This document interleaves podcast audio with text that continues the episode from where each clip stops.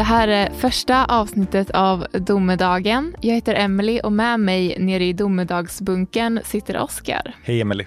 Hej! Vill du berätta lite om vårt upplägg? Absolut. I varje avsnitt av den här podden kommer vi då ta upp ett ämne som på något sätt rör världens undergång. Och det kommer vara både lite troligare scenarion, men också lite mer galna idéer om vad som skulle kunna hända. Precis, och dagens ämne hör väl kanske lite mer till den andra kategorin.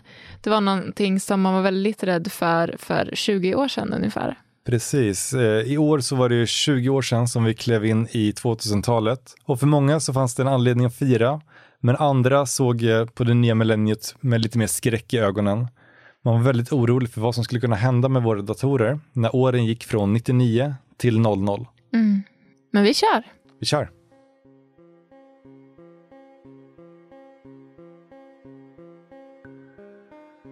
Så, vad är millenniebuggen, 2000-problemet eller Y2K?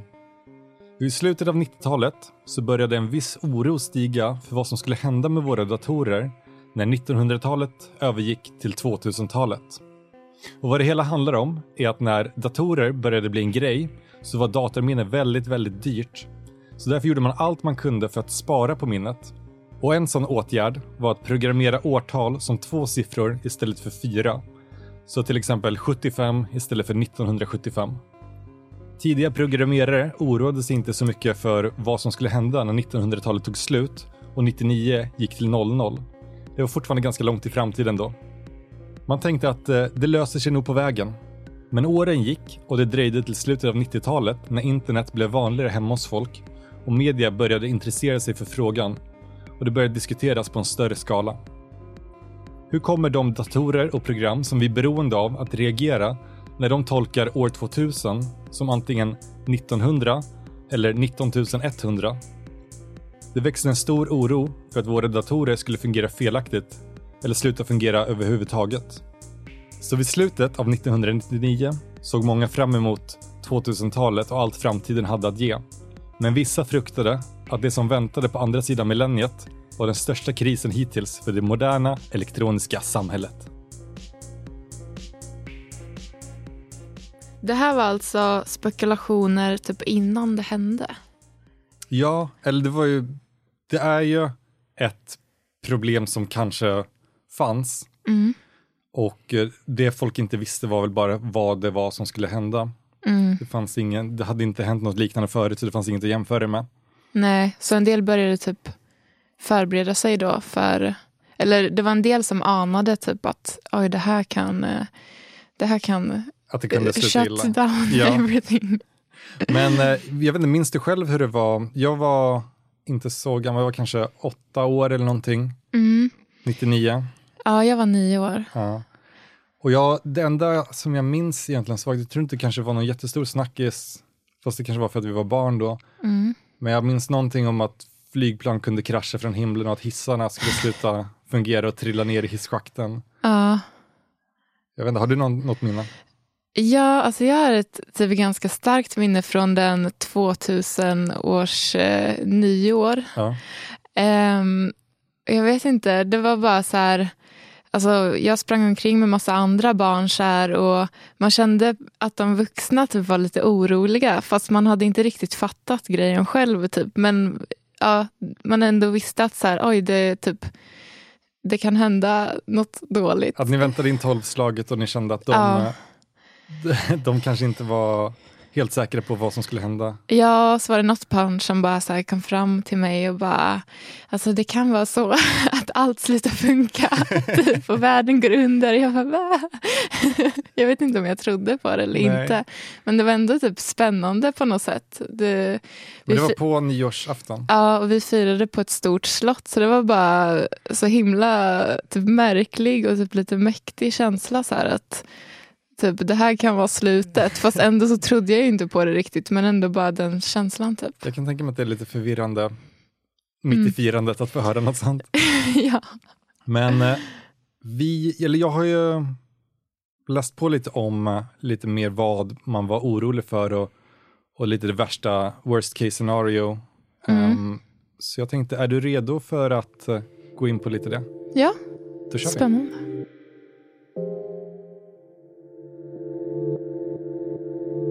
För att få en bättre förståelse för vad det var man var rädd för så har jag läst Michael Hyatts bok The Millennium Bug How to Survive the Coming Chaos.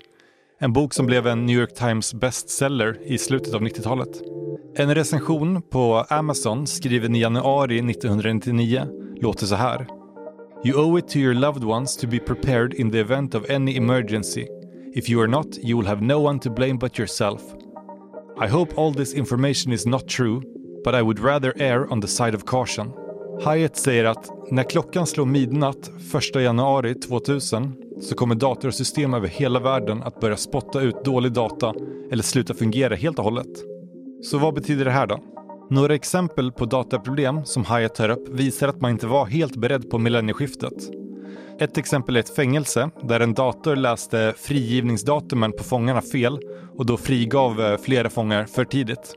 Och i Kansas så fick en 104 år gammal kvinna ett brev om att hon skulle börja på förskola. I sin bok så spekulerar Hyatt fritt i hur hemskt det kommer att bli. Millenniebuggen kan komma att krascha olika datasystem och i vår elektroniska tid så kan det vara förödande. Så det är elnät, reningsverk, militära vapensystem, räddningstjänst, banker och telefoni. Allt är styrt av datasystem och kommer därför att påverkas. Och det här låter ju förstås obehagligt. Så tänk dig själv om all ström skulle slås ut på obestämd tid och hur det skulle påverka ditt liv.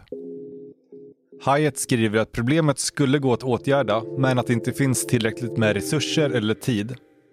För att vi ska kunna klara oss så måste alla datorer och varje rad av kod kontrolleras och millenniumsäkras av programmerare. Och i sin bok så hänvisar han vid flera tillfällen till olika företag och Y2K-konsulter som arbetar med just millenniumsäkring. Och en av dessa sa att det skulle kosta 600 miljarder dollar att göra världens datorer redo för 2000-talet. Ett annat företag menade att hälften av alla dataföretag inte skulle kunna klara deadline och en fjärdedel av de företagen skulle gå under till följd av reparationskostnader och sen rättsliga kostnader efter deras misslyckande att åtgärda millenniebuggen. Och Michael Hyatt verkar själv helt övertygad. Det finns inte tid att fixa problemet oavsett hur mycket pengar som läggs åt att förebygga så räcker tiden bara inte till. I Hyatts egna ord, det är oundvikligt och det kommer bli otroligt fult när det händer.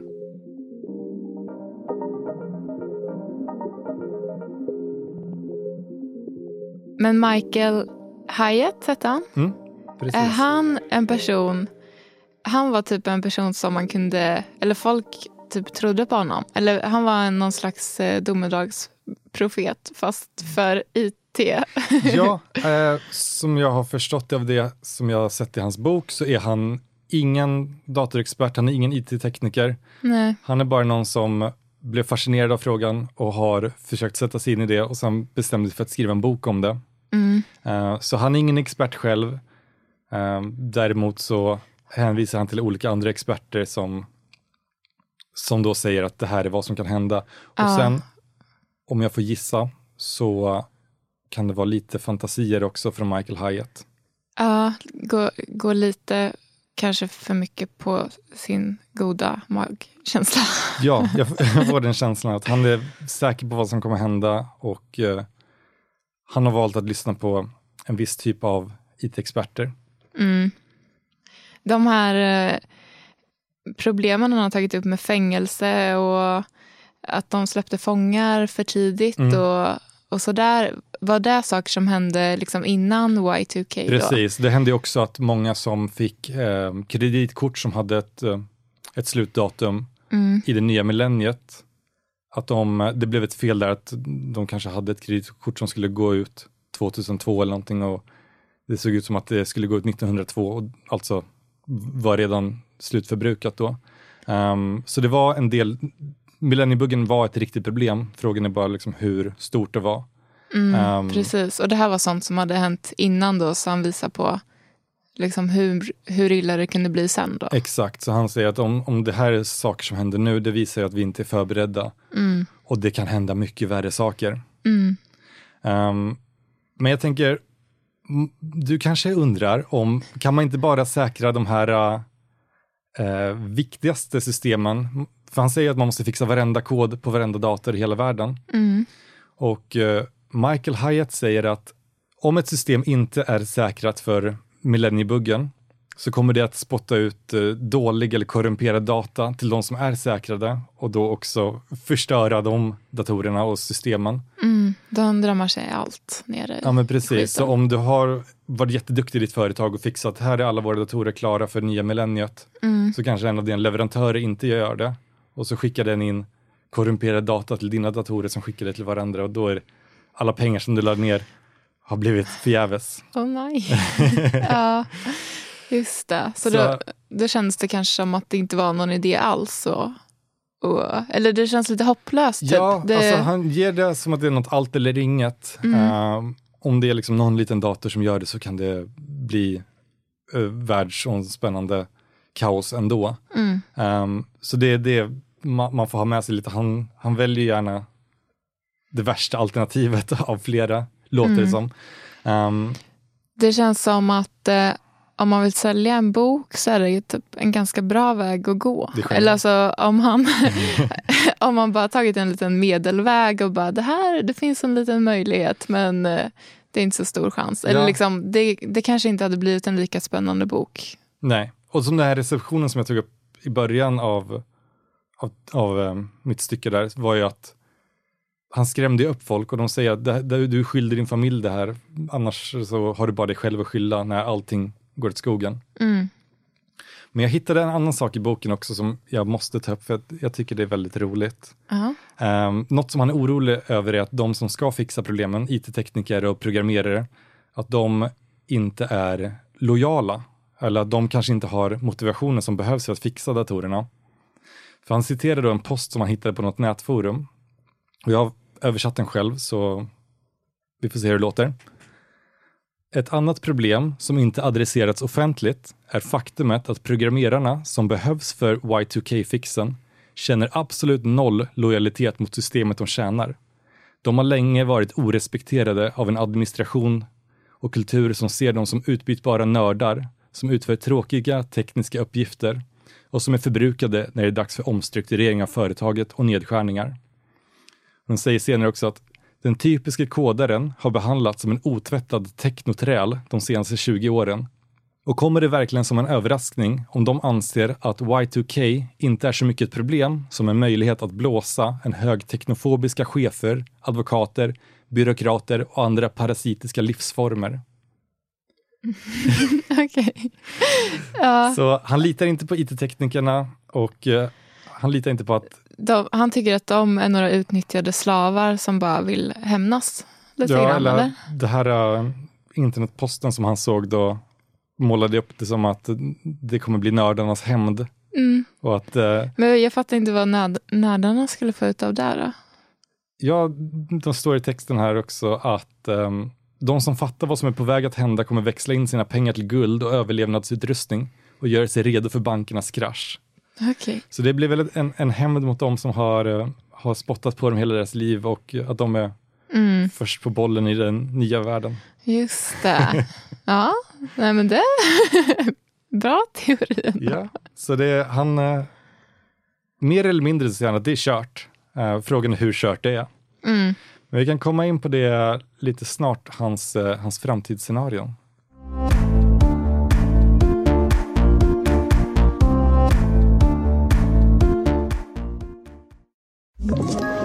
Ett poddtips från Podplay.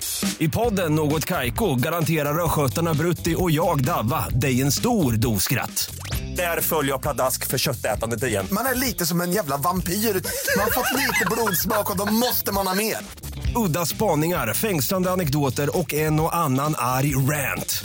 Jag måste ha mitt kaffe på morgonen för annars är jag ingen trevlig människa. Då är du ingen trevlig människa, punkt. Något Kaiko, hör du på Podplay. Därför är gardinerna.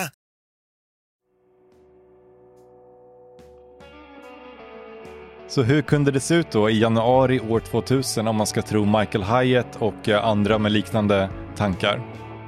Hyatt ser framför sig tre scenarion som kan utspela sig om datorerna slutar fungera. Och det är brownout, blackout och meltdown.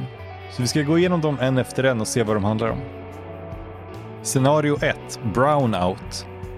Det blir återkommande strömavbrott och störningar i telenätet. Vattenreningsverk kommer få problem, vilket leder till att vissa människor blir sjuka av smutsigt vatten. Det kommer inte vara något farligt, men det kommer att störa vardagen på ett märkbart sätt. Skatteverket kommer få stora problem de första månaderna. Militären kommer att ha problem med sina vapen. Det kommer säkert att leda till ett antal dödsfall, men det är ingenting som vi kommer få höra om eftersom det kommer tystas ner. Det här scenariot skulle antagligen kunna vara mellan två veckor och tre månader. Scenario 2. Blackout. Här släcks elnätet ner totalt. Problem med vatten på en ännu större skala. Inget vatten kan renas eller pumpas om man inte har en egen brunn. Vattentoaletter och duschar kan du glömma. Detta leder i sin tur till problem med att få bort mänsklig avföring och då kommer ohyra och sjukdomar att spridas. Transportvägar kommer sluta fungera. Flyg, tåg, allt som drivs av ström eller med hjälp av datorer blir helt stillastående. Bilar kanske kan köra, men hur lång tid tar det då innan bränslet tar slut? För bensinmackar och oljefabriker kommer behöva ström och datorer. Banker, mat, transporter, kreditkort, allt sånt slutar fungera. Så utan pengar och mat i butikerna så finns snart inget att äta för den som inte är väl förberedd. Och utan el och datorer så blir militären sårbar, vilket skulle kunna öppna för en invasion av en annan nation. Han gissar att exempelvis Kina, som har lite äldre teknik och därför inte lika beroende av datorer som den amerikanska militären, skulle kunna vara de som gör ett anfall. Och med bankerna helt utslagna så kan militär och hemvärn inte räkna med att få sina löner betalda. Då blir det istället upp till invånarna att skydda sig själva mot gäng genom att bilda medborgargarden och privata miliser. Vanligt folk kommer att lida av att ha fått sina vapenrätter begränsade under de senaste decennierna. Städer kan komma att bli krigszoner. Ett blackout-scenario skulle då kunna vara mellan fyra månader och tre år. Scenario 3, Meltdown. Och det här är då precis som blackout, fast ännu värre. Och det här scenariot kan vara i flera år. Och han ser då framför sig härdsmältor i eh, kärnkraftsreaktorer. kärnkraftreaktorer. Och istället för svår hunger så blir det svält. Pengar blir helt värdelösa och eh, folket får leva med byteshandel eller guld och silver som valuta. Regeringen är numera helt verkningslös. Det kommer bli inbördeskrig mellan organiserade gäng och lokala miliser. Han gissar att det kanske till och med blir ett raskrig. Hyatt tillåter sig själv att gissa att det kommer bli ett mellanting mellan brownout och blackout-scenariet. Men om bankerna och elnätet ligger nere allt för länge så kan meltdown-scenariot komma att bli verklighet. Han avslutar sedan boken med lite traditionella prepping-tips för att klara den kommande krisen. Och andra råd han ger är att läsaren borde flytta till en liten stad där invånarna är gudfruktiga, moraliska och beväpnade.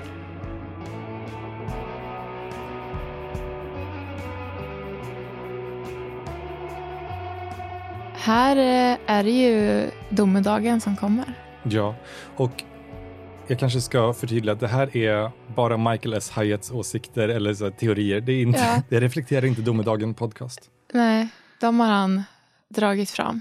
Ja, ehm, man får ju en bild av att han är den typiska konservativa amerikanska mannen. Mm, flytta ut på landet där folk tror på Gud och har vapen. Ja, och det, det kom så plötsligt att han eh, var rädd för ett raskrig också. Det kändes, Ja, var kom det ifrån?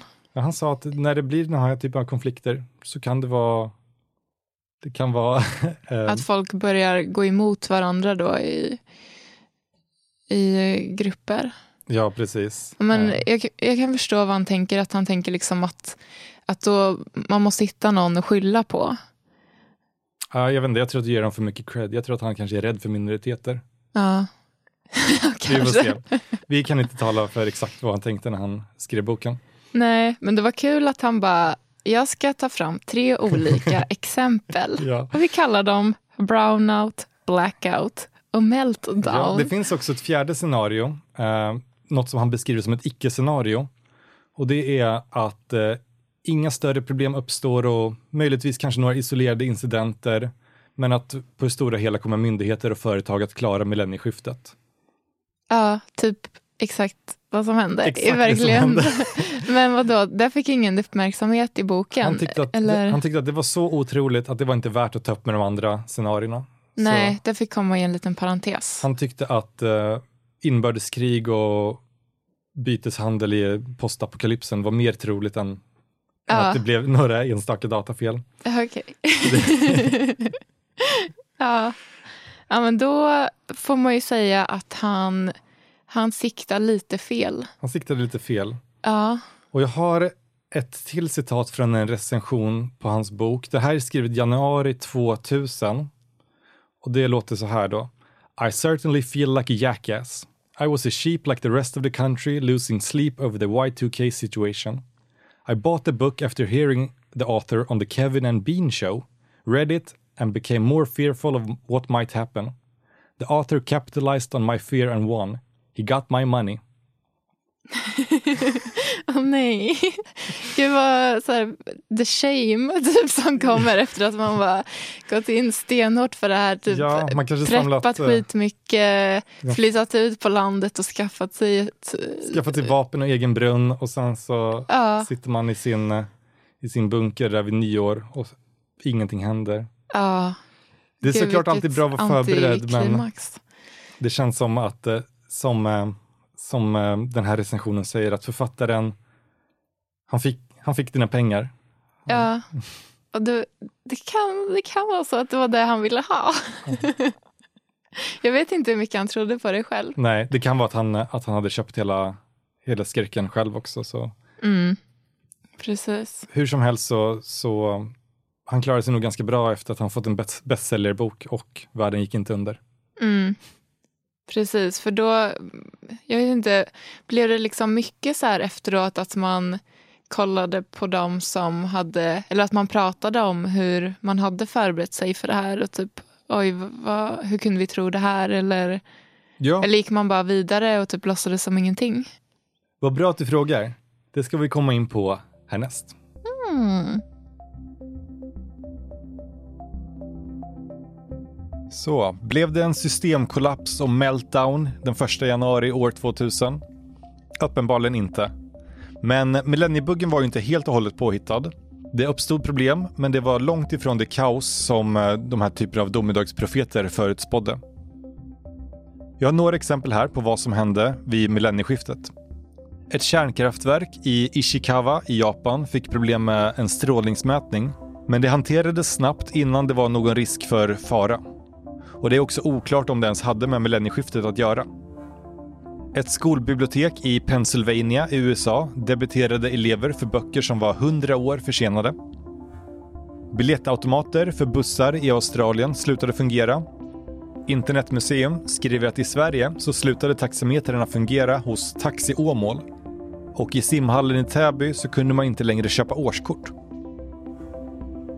Åsikterna går isär när det kommer till hur stort hotet faktiskt var. Vissa menar att paniken under åren innan millennieskiftet var befogad och kanske anledningen till att så många lyckades säkra de viktiga datorerna och programmen innan krisen uppstod. Andra menar att allt helt och hållet var en bluff. Att eh, IT-konsulter slängde bensin på elden för att sko sig själva på rädslan för systemkollaps och domedag. Man pekar på att länder som USA och Australien, som la ner flera miljoner dollar på att säkra sina system, upplevde ungefär samma problem som Ryssland eller Sydkorea, som inte gjorde några större åtgärder. Och även om USA spenderade så mycket pengar som de gjorde så är det omöjligt att alla buggar åtgärdades. Enligt en artikel i Aftonbladet från januari år 2000 så uppskattas kostnaden för åtgärderna i USA ligga på 1000 miljarder svenska kronor. Sveriges kostnad låg runt eh, 40 eller 50 miljarder och Ryssland de la endast 2 miljarder kronor. Många som jag sett uttala mig om det här verkar lägga sig någonstans i mitten. Att kostnaderna för att säkra datasystemen var nödvändiga för att undvika stora problem, men att läget alltid var under kontroll. Jag tycker det här, alltså det som hände efter Y2K, Mm.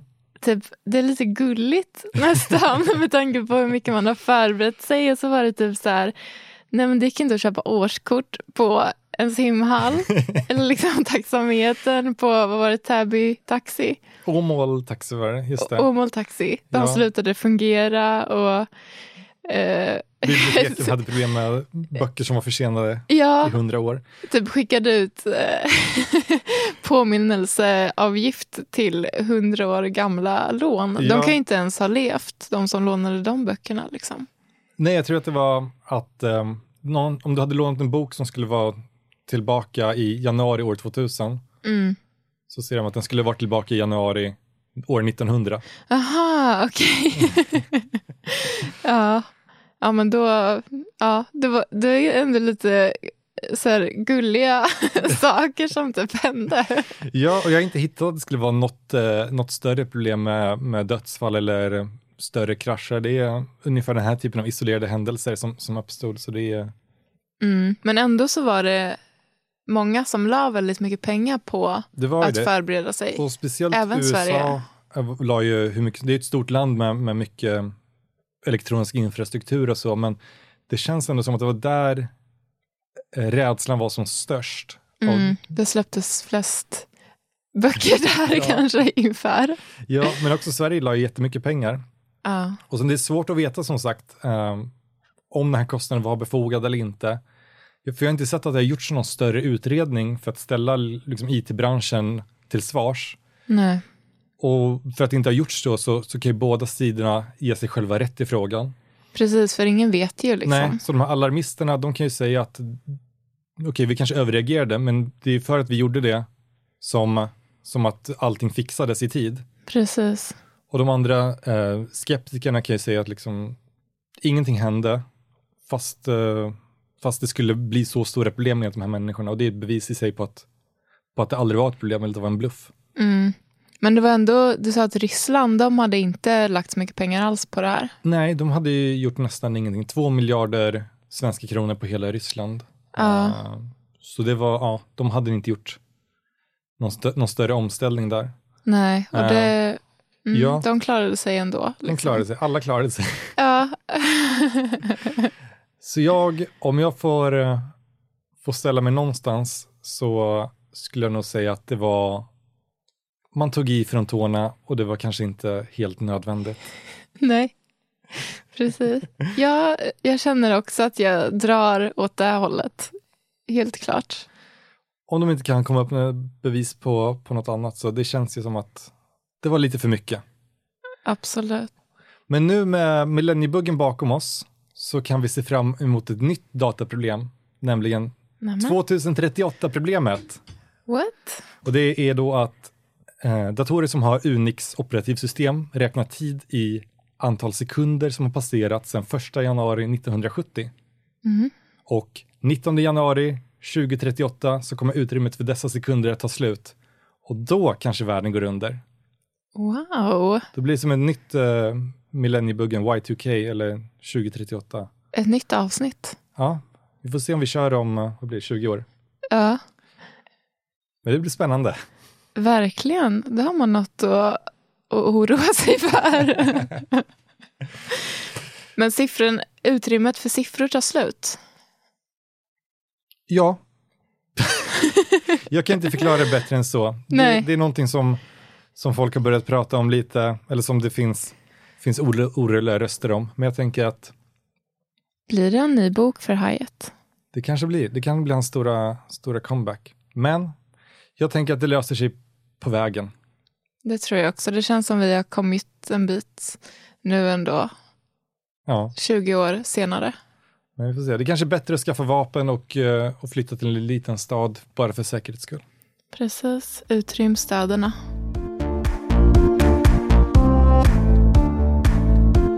Tack Oskar för allt Tack du har lärt mig. Tack. det var jättespännande. Ja, det var Verkligen. väldigt kul att läsa på om också. Det var Michael Hyatt, han, eh, även fast man kanske inte ska tro allt han skriver så det är ju ganska underhållande att titta tillbaka till hur, hur rädd man kunde vara för någonting som idag känns som absolut ingenting. Ja, det är alltid liksom kul att sitta och titta tillbaka och skratta åt hur fel någon kunde ha när man kanske ändå lite trodde på det själv. Då. Ja, Men, det är svårt att veta hur vi själva skulle reagerat om vi var om vi hade varit lite äldre? Om vi hade varit lite äldre och hade behövt oroa oss för det.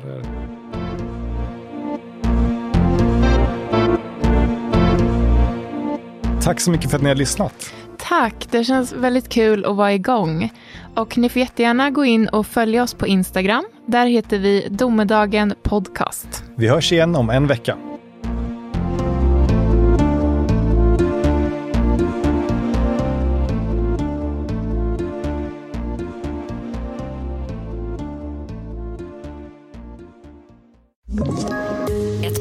Från Podplay. I podden Något Kaiko garanterar östgötarna Brutti och jag, Davva, dig en stor dos skratt. Där följer jag pladask för köttätandet igen. Man är lite som en jävla vampyr. Man har fått lite blodsmak och då måste man ha mer. Udda spaningar, fängslande anekdoter och en och annan arg rant. Jag måste ha mitt kaffe på morgonen för annars är jag ingen trevlig människa. Då är du ingen trevlig människa, punkt. Något Kaiko, hör du på Podplay. Därför arkadeinerna.